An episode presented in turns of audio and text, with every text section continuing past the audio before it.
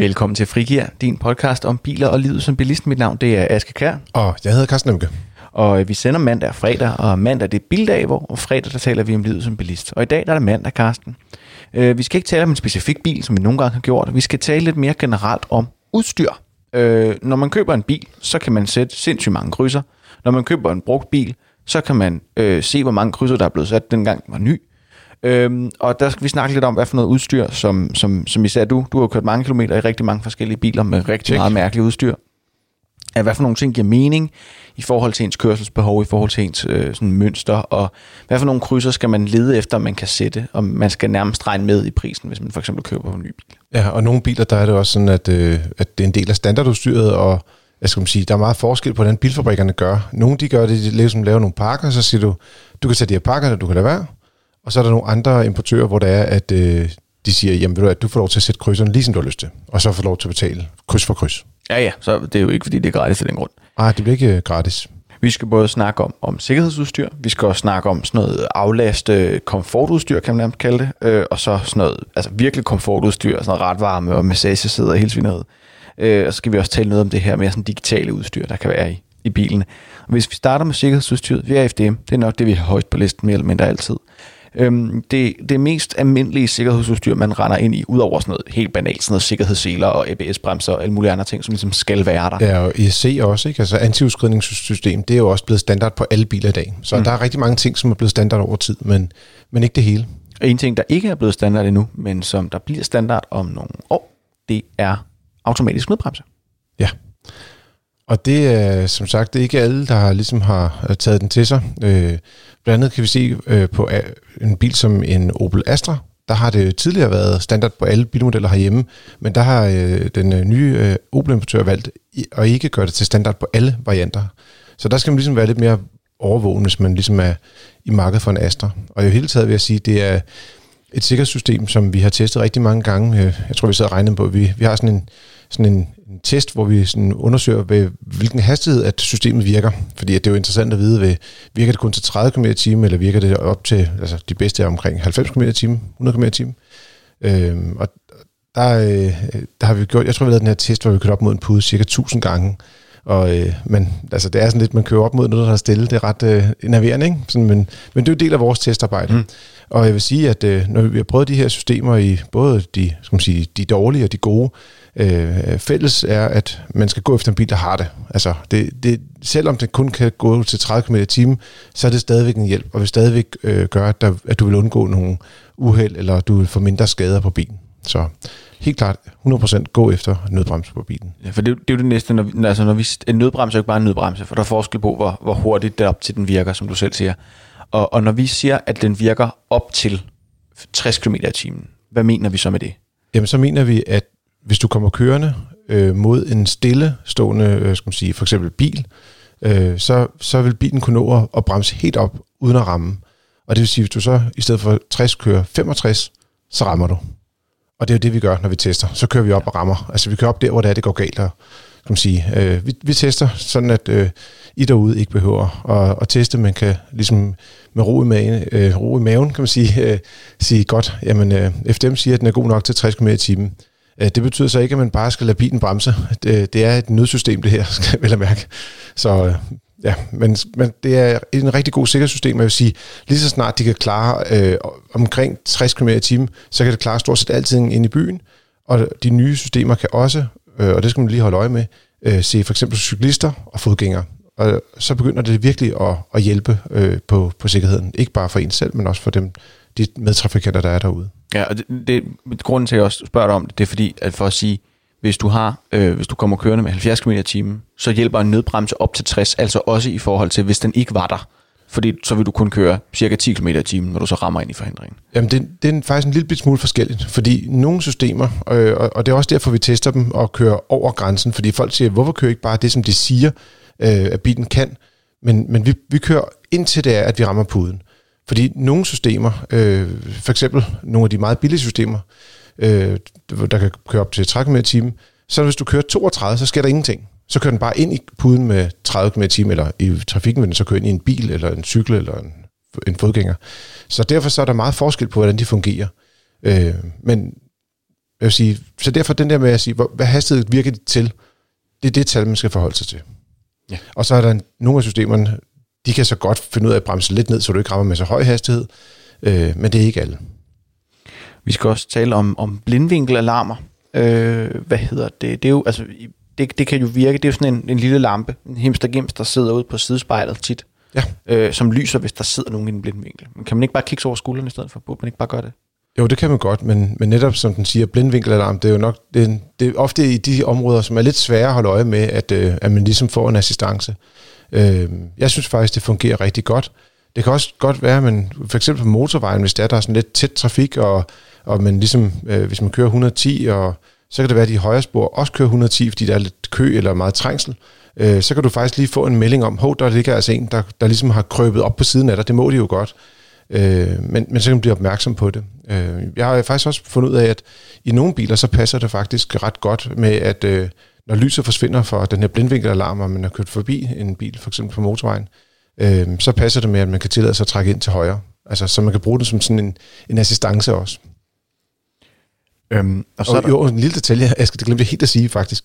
Øh, noget, jeg har også har lagt mærke til, det er, at den kan faktisk også godt se, altså i nogle biler kan det se cyklister. Det vil sige, når du kører rundt ind i byen, så hjælper den dig også med at se, om der kommer en cykel. Og det altså i hvert Det er noget, der, det, det er noget, der er meget svært at se i hvert fald, Ja. når det er mørkt. Ikke? Så det er med os, dengang man kører ind, rundt ind i midten af København, eller ind i midten af Aarhus, eller midten af Odense, kan vi i hvert fald godt forestille sig at kunne blive glad for det i længden. Øhm, så er der også noget tværgående trafikalarm. Det er jo typisk, når man er i bakgear, vel, at det, at det er relevant. ja, altså de har sådan nogle øh, sensorer, det er ligesom en udvidet baksensor, og den findes i to trin. Enten kommer der sådan en alarm, der fortæller, hov, nu kommer der en bil øh, øh, kørende øh, bagved dig, hvis, men, mens du er i gang med at bakke ud fra en P-plads. Øh, men øh, nogle af dem, de kan simpelthen også bremse. Det kan øh, netop også reagere over for cykler, i, afhængig af, hvilken system det er. Så øh, hvis der kommer en cykel kørende bagved det, så i stedet for, at du kommer til at bakke ud i cyklisten, så bremser bilen ned, og cyklisten kan passere helt sikkert forbi. Og der er det, øh, hvis vi kigger på det her sikkerhedsudstyr, er det noget, man bare altid skal købe, eller er der situationer, hvor det ikke giver mening? Hvis man for eksempel aldrig kører på motorvejen, giver det så mening at have en blindvinkelalarm? Eller? Ja, men hvis den, hvis den så kan se cyklister, så hjælper den også i byen. Ikke? Så Ja. jeg vil sige, som udgangspunkt vil jeg, vil jeg gå efter de her systemer, men det er klart, det, man skal nok også lige kigge lidt på prisen. Hvis nu er blindvinkelalarmen koster sådan 15.000 eller 20.000, øh, fordi den er en eller anden speciel pakke, og det andet udstyr ikke er noget, der interesserer en, så kan man måske godt springe det over. Men øh, hvis man kan få det, og at det er økonomisk sådan inden for ens rækkevidde, så vil jeg anbefale det. Men det er ikke lige så meget et must som nødbremsen. Altså nødbremsen, det er virkelig, en, at den skal være der. Alfa og Omega. Ja. Og så, øh, så kan- vi også lige kigge på noget af det her aflastende udstyr, man kan have. Altså det, den, den oplagte, det er adaptiv fartpilot. Og det er typisk noget, der ligesom sidder med samme system som nødbremsen og bruger den her radar, der sidder i den, og så holder den selv afstand til forankørende, når du kører på motorvej. Ja, de kører typisk med forskellige sensorer eller radar. radar. Det er ikke det samme som nødbremssystemet. De, Okay. okay. de er adskilt, de to ting. Øh, ofte, vil jeg sige. Så, øh, men, men finten er, at, at den holder simpelthen automatisk afstand til bilen foran dig. Men det vil også sige, at hvis der er en bil, der trækker ud foran dig, så vil den også bremse ned, sådan at øh, du ligesom holder afstand til de biler, der, der ligesom trækker ud foran dig. Der er nogle gange nogen, der ikke har- øh, kigger sig over skulderen, eller måske har en blindvinkelalarm, og øh, skifter vognbane på et tidspunkt, hvor det øh, faktisk er lidt til fare for dig som bilist også. Øh, og, og der vil den også reagere. Øh, jeg vil sige, nogle gange lidt sent, øh, det, men øh, de fleste gange så når den og, og ligesom at bremse ned, så man er i sikkerhed. Men øh, det synes jeg er noget af det mest aflastende, når man ligger og kører øh, lange ture på motorvej, øh, eller landevej for den sags skyld.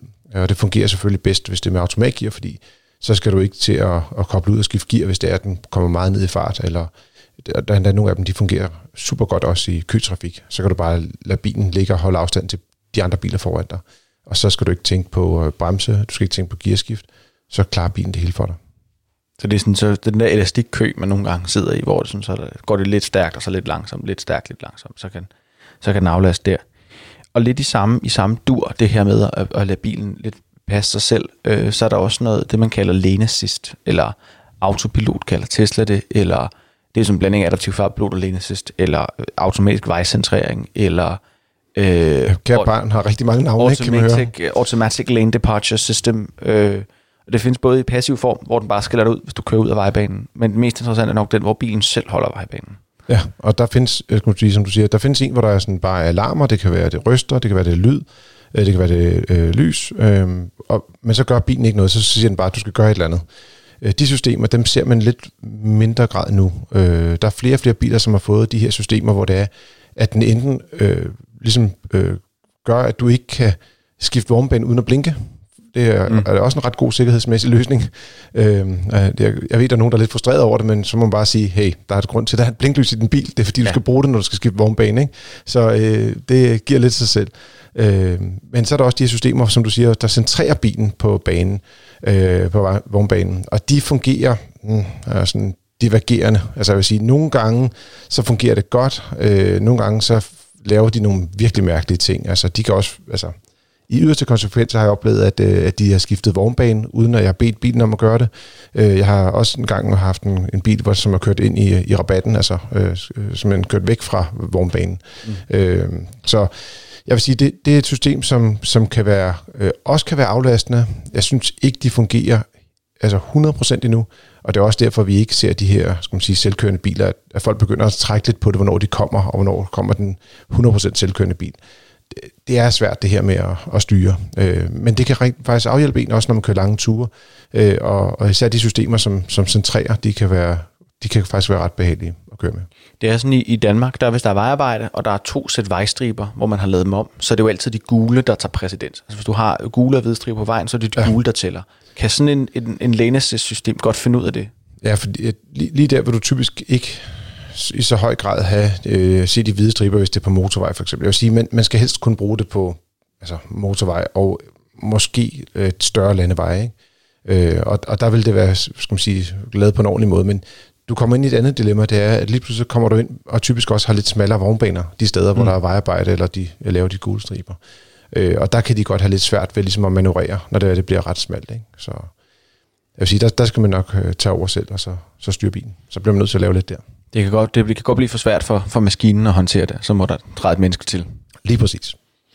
Hvad for nogle, øh, for bare lige at tage de her to systemer, adaptiv fartpilot og, og vejcentrering, eller lane assist, eller hvad du vil kalde det. Er der, er der, øh, hvad, hvad for nogle bilister vil det være en god idé at sætte det kryds for? Jamen, det er klart dem, der kører meget, og eller hvis man øh, kombinerer øh, det her adaptiv fartpilot med, med, skal man sige, med automatgear, øh, øh, så vil det også give en utrolig stor aflastning for dem, der kører meget i kø. Altså, det kan være omkring store byerne, øh, det kan også være nede, altså hvis du kører meget hen over Fyn for eksempel, der er noget vejarbejde i øjeblikket, der går farten meget op og ned. Der vil det være virkelig aflastende at køre med det system. Øh, det har jeg kørt med øh, ret meget øh, hen over Fyn her de sidste par måneder. Så øh, fin ø i øvrigt. Ikke? Dejl, dejligt sted. Dejligt sted. Ønskeøen. Ønskeøen. Øh, og, øh, men øh, af en eller anden årsag kommer jeg altid ret hurtigt hen over den, men det må jeg, det må jeg gøre noget ved fremadrettet. Men det, det gør, at der er rigtig meget kø på den, øh, skal man sige, på den vestlige del af Fyn i øjeblikket, på motorvejene. Øh, og der synes jeg, at de her adaptive fartpiloter og styrhjælp, de fungerer faktisk rigtig godt. Og, og der har de også lidt smallere vognbaner. Det går ind i OK i de fleste systemer. Vi skal også tale om, om sådan nogle øh, drejeforlygter, eller adaptive. Altså, der er virkelig mange systemer omkring forlygterne på en bil øh, ja. efterhånden. Der er både øh, sådan nogle, der drejer sammen med rattet, så den ligesom følger kurven, hvis du er i mm. sving. Mm. Der er de her matrix-forlygter, som er sådan nogle, hvor at den kan blinde op nogle steder, men ikke alle steder, så du kan faktisk undgå at blinde folk i modkørende vejbane, men stadigvæk holde øje med højere rabat. Der er helt ned til, at der bare er biler, der selv kan finde ud af at blinde op og blinde ned, øh, hvis der kommer modkørende, øh, med varierende succes. Øhm, er, er det, er, er, er, hvem, hvem er det relevant for? Hvad er det? Er det noget værd? Ja, altså jeg vil sige, som udgangspunkt, så øh, man kan sige sådan rent lygteteknisk, så taler man om gammeldags lygter eller halogenlygter, og så taler man om LED-lygter. Det er sådan de to grundprincipper, der er sådan rent lysmæssigt. Og LED-lyset ser vi i flere og flere biler nu, at det bliver standard. Og øh, det giver et meget hvidt lys, og hvis det er, det er en kraftig LED, fordi der er forskel på, hvor gode LED-lysene er, mm. øh, så giver det også øh, et, et, altså det kan med et langt lys give et virkelig godt langt lys. Man kan sige, teoretisk set er der faktisk også en tredje mulighed, noget der hedder laserlys, som med det er mest forbeholdt de meget dyre biler. Og der har de øh, mulighed for at lyse op til, jeg tror det længste det er 800 meter. Jeg synes også, jeg har læst et sted, der var 1000 meter på en, på en forlygte. Det er altså, altså en kilometer. Virkelig langt. Det er, det er meget langt. Og, og jeg vil sige, det vil typisk øh, kun blive aktiveret af steder, hvor du kører for det første med en høj, høj hastighed. Altså det kan ikke gøre det med ind i byen for eksempel, så blinder du af alle i byen. Ikke? Øh, men øh, det, det vil også være et sted, hvor der ikke er andre bilister, fordi ellers så, altså selvom de er langt væk, vil de stadig blive blindet. Altså en kilometer, det er langt væk. Det er sådan noget, når man kører, der er sådan et stykke på Hirtshals motorvejen, der er fuldstændig lige. Ja, det er sådan det eneste sted, jeg kan komme på, mere eller mindre i Danmark. Ja, hvor det eller også så vil det være, hvis du kører i en skov, øh, eller hvis du kører på en landevej, hvor, hvor der er meget mørkt, og du godt vil have lys hele vejen rundt omkring, så kan det godt være, at den ikke lyser reelt en kilometer frem, men den giver så meget lys hele vejen rundt omkring bilen, eller det, den retning, du kører, at du er rigtig godt hjulpet. Også i forhold til råvildt og sådan noget, som kan Præcis, og det, ud sige hej, ikke? Det, det er noget, de især har udfordringer med, øh, skal man sige, over det svenske. Så, men også her i Danmark har vi lidt problemer med den slags ting.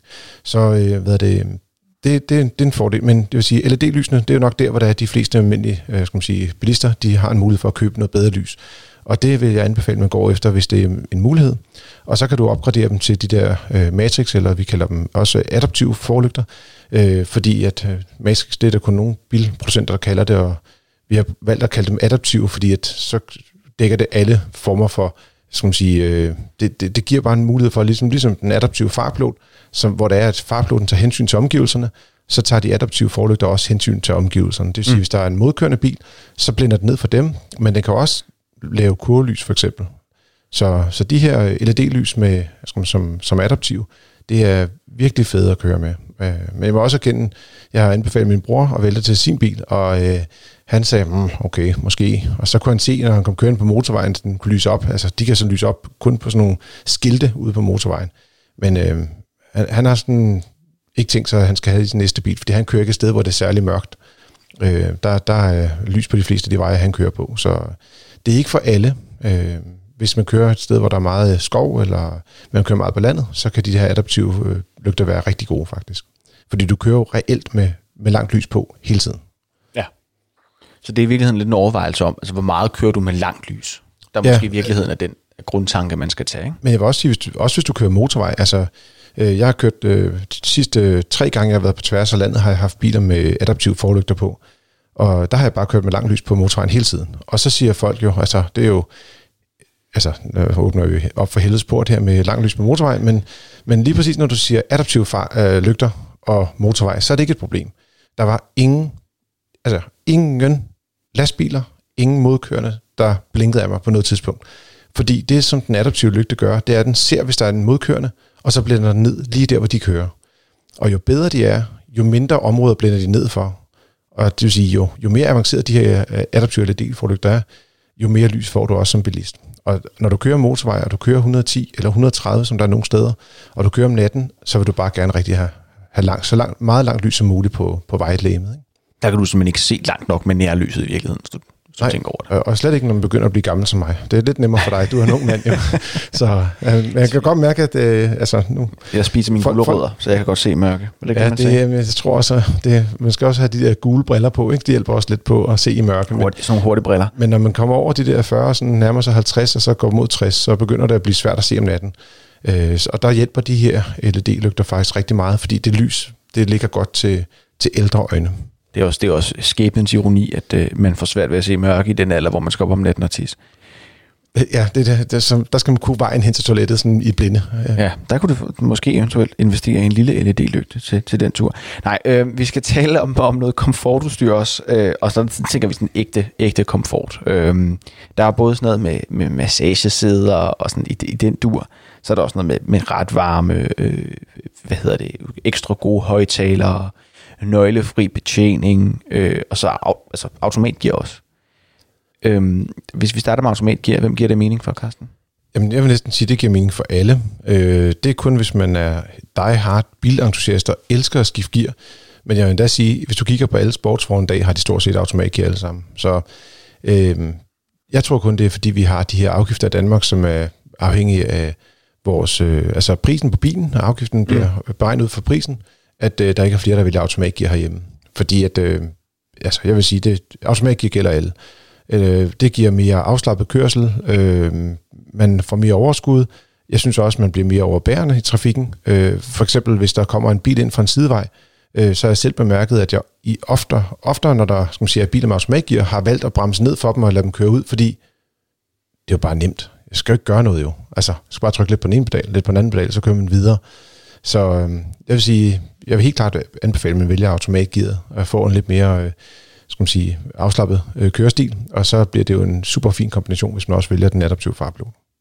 Og det, jeg kan huske det førhen, der, der sagde man nogle gange, at øh, en automatgearkasse kørte kortere på literen, end en, en manuel gearkasse gør. Øh, er det stadigvæk tilfældet, eller er det sådan en historie, der ikke vil dø? Jamen, der, der findes jo mange forskellige typer automatgearkasser, men, men jeg vil sige, øh, selv hvis de bruger lidt mere brændstof, så er forskellen ikke så stor længere, og automatgearkasserne er blevet meget avanceret, og også med mange flere trin, så du have automatgearkasser med 8 trin, det er ikke helt usædvanligt. Og det giver jo altså, som siger, mulighed for, at motoren ligger i et optimalt arbejdsområde, og mm. dermed øh, også kan få en meget høj gearing, hvis du kører lange ture. Ikke? Så jeg vil sige, det øh, automatgear er klart et plus. Hvad med sådan noget som retvarme og, øh, og sædemassage og nogle af de her sådan meget komfortagtige ting. Ja, der er vi lidt mere over i luksus, ikke? Der, det, vi, ja. vi er lidt væk fra nødbremsen i forhold til must have, ikke? Ret, ret køling. Nice to have, ja, ja ret, ret køling, det kunne være dejligt. Uh, nej, jeg vil sige, uh, jeg tror, der er mange, der vil, når de har prøvet retvarme, egentlig vil være rigtig glade for det. Nu har vi ikke haft en så streng vinter i år, men uh, når det er koldt, uh, så er det faktisk meget rart, at man kan få varme lige præcis på hænderne. Øh, og nogle biler, der er det standard på nogle bestemte udstyrsniveauer, og så kan man gå efter der. Andre gange, så koster det et par tusind øh, at få det med. Så hvis man holder bilen over en længere periode, øh, hvis man øh, har bilen holdende udenfor og ikke inde i en varm garage og sådan nogle ting, så kunne det være en, en rar ting at have. Og massagen, den tror jeg nok mest er til dem, der kører meget lange ture. Øh, jeg synes selv, det er behageligt, hvis man altså, ligger og kører Aalborg København eller noget af den stil, at man lige kan få lidt massage, når man sådan kommer ned over Fyns land. Så, øh, så er der tid til at trykke på knappen, så man kan få øh, ældet sin ryg. Men øh, jeg vil sige, det, det er lidt, den, er, den er lidt mere på luksussiden. Der er også, man har også mulighed med afstress på Fyn, kan man passende køre af ved vejarbejdet og nyde den gode, smukke natur omkring Vissenbjerg. Det synes jeg er en meget bedre løsning. Det er faktisk utrolig flot lige der. Det er rigtig dejligt. Hvad med sådan noget som, som altså ekstra højtalere, en, en ond subwoofer i bagagerummet? Eller? Jamen, det er jo sådan lidt øh, sjovt, fordi at, øh, øh jeg, jeg ved ikke rigtig, hvordan det er hjemme hos dig, eller øh, så hos dig, kære lytter, men øh, jeg kan i hvert fald mærke, at øh, der ligger et vist pres øh, øh, øh, på privatfronten i forhold til, hvor store højtaler må være. Og øh, det gør, at øh, jeg, ved ikke, jeg, jeg savner lidt at have god lyd der, hvor jeg er i virkeligheden, i, i hverdagen derhjemme. Og et af de få steder, jeg rent faktisk har tid til at høre musik, og også høre høj musik, som jeg selv vil høre, det er, når jeg sidder i bilen. Så for mig, altså, jeg, jeg synes faktisk, at det, det, er ret, altså, det er ret lækkert det her med at vælge gode højtaler. Og der findes øh, efterhånden øh, til skal man sige, almindelige familiebiler, kan man få nogle højtalersystemer til sådan mellem 5 og 10.000 kroner, som virkelig rykker, altså som, som giver rigtig god bas, og man får en markant bedre lydoplevelse. Så det, det synes jeg godt, man kunne overveje, men, men det kræver, at man ligesom går, at man behøver ikke være musiker, men at man ligesom har den der glæde ved at køre bil. Ja, ja undskyld, eller høre musik. musik. Ja, ja, høre musik. Høre, høre musik, mens man kører bil måske. Ja, nogle gange endda en blanding. Øhm, og så skal vi også snakke om, om nøglefri betjening. Øh, altså sådan noget... Øhm, og det er jo både i forhold til, til de biler, der sådan nærmest låser op, når du bare kommer i nærheden af dem, øh, og det der med start-stop-knap, og du bare har nøglen i lommen og alt det her. Er det, er det noget, der giver noget i hverdagen? Ja, det kan jeg mærke meget forskel på, når jeg taler med folk, om de synes, det er fedt eller ikke er fedt. Øh, vi har også øh, haft nogle... Øh, altså person, personligt er jeg super glad for det. Jeg synes, det er meget enkelt, at du går hen og åbner døren og sætter ind bag og trykker på en knap, og så kører du. Det er super enkelt, og øh, man skal ikke bruge så meget tid på at finde nøgler frem, og det, det hele gør, bliver bare nemmere. Men der har jo også været en, en øh, skal man sige, en bølge af tyverier af biler, som har haft de her blandet nøglefri betjening. Øh, og, og der har været nogle øh, udfordringer med, at det har været lidt for nemt at, ligesom at kopiere øh, nøglens signal. Øh, så selvom du lå derinde og sov, så kunne tyvene gå hen og ligesom kopiere nøglesignalet igennem øh, hoveddøren, eller igennem øh, skal man sige, huset eller lejligheden, eller hvor man nu bor hen, øh, og så sende signaler ned til, øh, skal man sige, til bilen, øh, hvor der står en, der skal være 22 knæk til at lave det her trick, kan man sige. Ikke? Men, mm. men men der har bilfabrikkerne heldigvis øh, fundet ud af, at det var nok ikke så smart, det der med, at folk kunne få stjålet deres biler. Det blev de relativt utilfredse med. Og det vil sige, at nu er de begyndt at lave sådan nogle funktioner, hvor der er, at hvis nøglen ikke er i bevægelse, så falder den i, i, i dvale. Øh, de systemer fungerer øh, med, jeg tror det er mellem 1 og 30 minutter. Så hvis, hvis nøglen har ligget stille i, i, i et minut eller i 30 minutter, så falder den ligesom i dvale, og så kan den ikke aktiveres og sender ikke signaler, medmindre at den bliver bevæget. Og det vil også sige, at der er mindre risiko for at få stjålet sin, øh, skal man sige, sin bil. Så, men jeg vil sige, komfortmæssigt øh, er det rigtig fedt. Men øh, der er også nogen, der, der er glade for det her med at, ligesom at skulle have øh, nøglen frem og ved præcis, hvornår de lukker, lukker og låser bilen. Ikke? Så ja. Og det, det er, faktisk kan man også i forhold til det der med øh, nøglefri betjening. Så øh, altså, førhen, der var det jo meget almindeligt, at man havde sin bilnøgle i en kædedåse. Det er der nogen, der stadigvæk har. Og, og metal er jo sådan en lille smule isolerende over for radiosignaler, så der er faktisk endnu en gang kommet en værdi ud af at lægge sin nøgle i en kædedåse.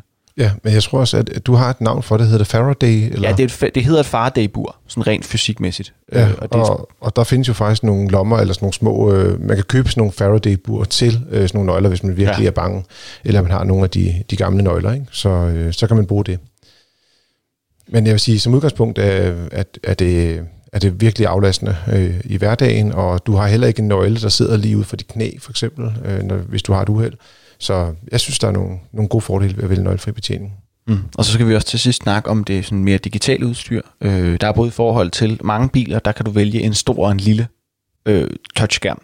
Ja. Hvad for en skal man vælge, Karsten? Jamen som udgangspunkt øh, så stor som muligt, ikke? Øh, hvad det, fordi at, øh, det giver typisk flere muligheder, øh, og det giver også ofte øh, bedre opløsning på skærmen. Men øh, en af de ting, og der, nu bliver det jo meget sådan lidt med individuelle præferencer, men øh, både Søren W. Rasmussen og jeg, øh, som jo tester biler for, for motor, øh, eller FDM-motor, øh, vi har sådan en ting med, at vi kan godt lide, at der er en drejeknap til volumen. Og det vil sige, at når du ligger og kører, at du bare kan stikke hånden hen, og så bare lige skrue op eller ned for lyden. Og det har du altså for eksempel ikke hos Volkswagen, hvis du vælger deres store skærme, hvis du opgraderer fra 8 til 9 tommer. Så lige præcis i det tilfælde, der synes jeg faktisk, at den lille skærm er bedre. Den er faktisk også ret pæn opløsning på den. Men ellers så, øh, som hovedregel, synes jeg faktisk, det fungerer bedst, jo større skærmen er. Hvad med sådan noget som, øh, apropos skærme, sådan noget digital instrumentering? Digital instrumenthus. Skal man, skal man gå efter det? Det synes jeg helt klart, og især hvis det er, at man også vælger at, at få navigation i bilen fra fabrikken af, fordi så kan du også få integreret hele den her navigationsoplevelse mm. ind i det digitale display. Så jeg synes, øh, digitale instrumenter er godt, og typisk er det ikke, altså jeg kan se på flere biler, det blev blevet sådan noget til en 5.000 kroner, øh, øh, og i øvrigt også på den nye Golf 8, der bliver det faktisk standard på alle modeller. Bare for at sige, det, det, det er sådan noget, man kommer til at se på rigtig mange biler, at man får de her digitale instrumenter. Det skal man ikke være så bange for. Og måske et lille tip, en form for digitalt instrument, det er head-up displays, hvor det er, at øh, informationer bliver skudt op i selve forruden. Det fungerer også rigtig godt, men de er typisk lidt dyre. Og så til sidst, så er der jo selvfølgelig sådan noget Apple CarPlay eller Android Auto, det her mobilopkobling på det. Øh, skal, man, skal man gå efter det, hvis det har en mere pris? Ja, og jeg vil næsten sige, det, det er næsten et must-have i dag. Altså fordi, at øh, de har så godt et, et øh, skal man sige, øh, infotainment-system, eller skal man sige, deres øh, menustruktur er så nem at betjene, øh, at det overgår øh, alle biler. Altså, mm dem, der bruger, laver skal man sige, brugerinterface til, til mobiltelefoner, de er simpelthen så vant til, hvordan vi tænker os mennesker, at de har skal man sige, overhalet alle bilfabrikkerne ind om lige på det punkt.